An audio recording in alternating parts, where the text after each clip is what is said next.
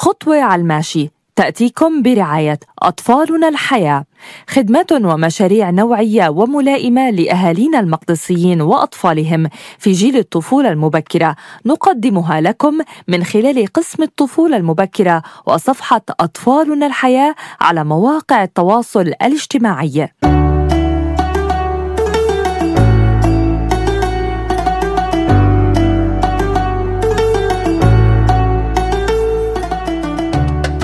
كل عام وأنتم بألف خير لمناسبة حلول الشهر الفضيل رمضان علينا اللي بيجي وبيزين معه بيتنا وبيحمل معه كتير تحديات وأبرز هالتحديات التربوية.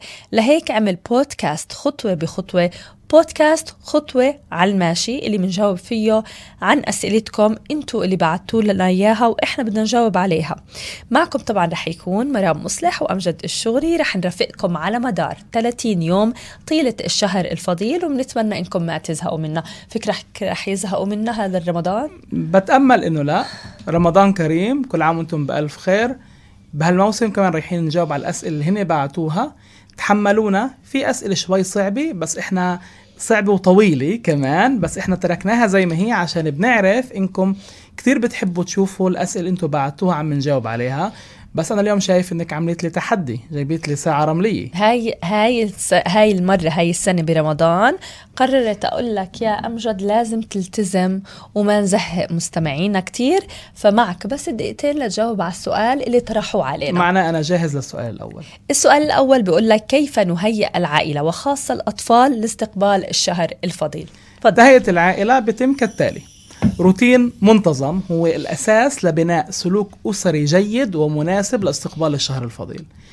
لكل برنامج له سحر خاص فيه وخصوصا إنه بيمنعه بقلل من التحديات السلوكية من جهة ومن جهة تانية هو بيكون الأساس عشان نلاقي الحلول لهي التحديات إن وجدت. كثير مهم إنه الأهالي يهتموا إنهم يبنوا البرنامج مع أبنائهم خلال الشهر الفضيل بيتناسب مع نمط معيشتهم وخصائص الشهر وما يغيروا علشان أي إشي خارجي. بناء البرنامج بمشاركتهم بساعد الأطفال أنه يلتزموا بصورة أكبر. فمثلا إذا هن بيحددوا معهن وين بدهن يروحوا يناموا الأولاد بتصير تحس حالها بحين ما بقرب الوقت أنه هي نعست وهي جاهزة أنه هي تروح عشان تنام. كثير مهم أنه البرنامج مرة بيكون بيوازن ما بين الروحانيات الالتزامات الدراسية والأهم من هيك العلاقات العائلية والاجتماعية.